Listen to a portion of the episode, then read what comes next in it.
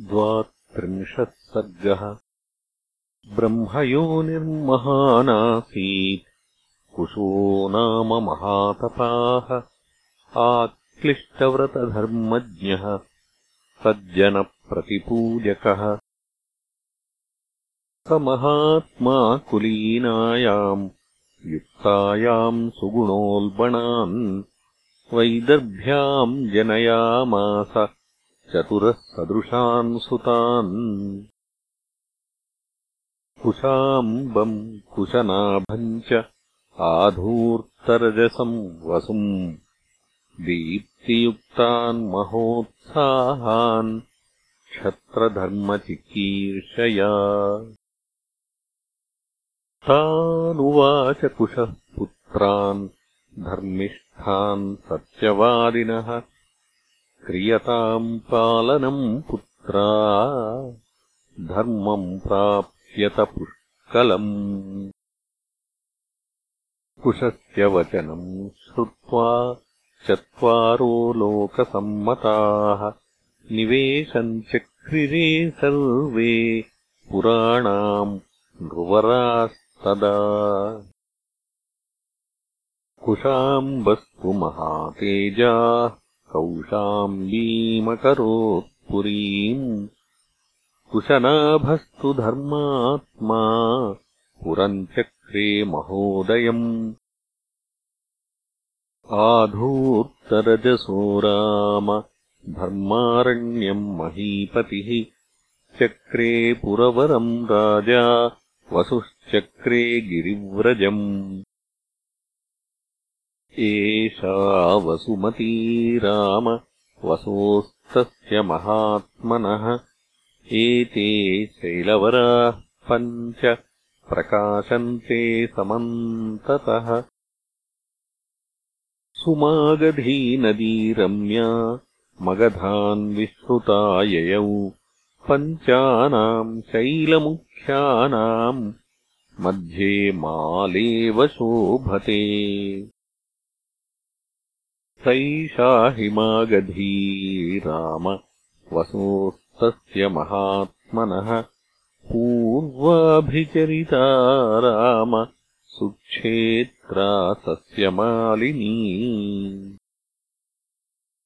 कुशनाभस्तु राजर्षिः कन्याशतमनुत्तमम् जनयामास धर्मात्मा घृताच्याम् रघुनन्दन तास्तु यौवनशालिन्यो। रूपवत्यः स्वलङ्कृताः। उद्यानभूमिमागम्य प्रावृषीवशतः गायन्त्यो नृत्यमानाश्च वादयन्त्यश्च सर्वशः।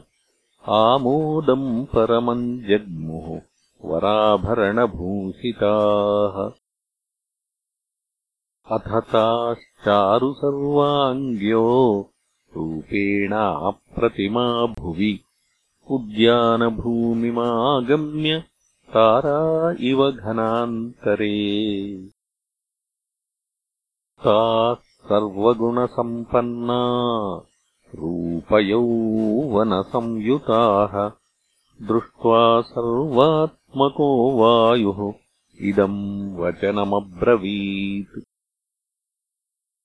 अहम् वः कामये सर्वा भार्या मम भविष्यथ। मानुषस्यद्यताम् भावो दीर्घमायुरवाप्स्यथ चलम् हि यौवनम् नित्यम् मानुषेषु विशेषतः।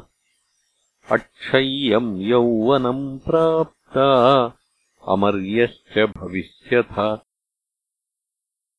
तस्य तद्वचनम् श्रुत्वा वायोरक्लिष्टकर्मणः अपहास्य ततो वाक्यम् कन्याशतमथाब्रवीत्।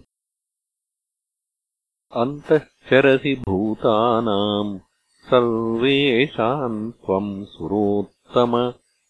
प्रभावज्ञाः स्म ते सर्वाः किमस्मानवमन्यसे। कुशनाभसुताः सर्वाः समर्थाः त्वाम् सुरोत्तम। स्थानात्यावयितुम् देवम् रक्षामस्तु तपो वयम्।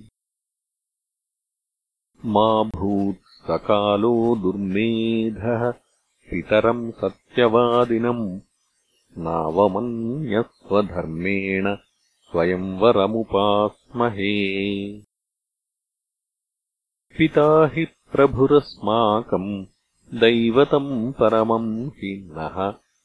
यस्य नोदास्यति पिता स नो भर्ता भविष्यति। तासाम् तद्वचनम् श्रुत्वा वायुः परमकोपनः प्रविश्य सर्वगात्राणि बभञ्ज भगवान् प्रभुः। ताः कन्या वायुना भग्ना विविशुः नृपतेर्गृहम्। प्रापतन् भुवि सम्भ्रान्ताः सलज्जाः साश्रुलोचनाः। स च तादयिता दीनाः कन्याः परमशोभनाः। दृष्ट्वा भग्नास्तदा राजा सम्भ्रान्त इदमब्रवीत् किमिदम् कथ्यताम् पुत्र्यः को धर्ममवमन्यते? कुब्जाः केन कृताः सर्वाः वेष्टन्त्यो नाभिभाषथ एवम् राजा विनिश्वस्य समाधिम् सन्दधे ततः। इत्यार्षे श्रीमद् रामायणे वाल्मीकीये आदिकाव्ये बालकाण्डे द्वात्रिंशः सर्गः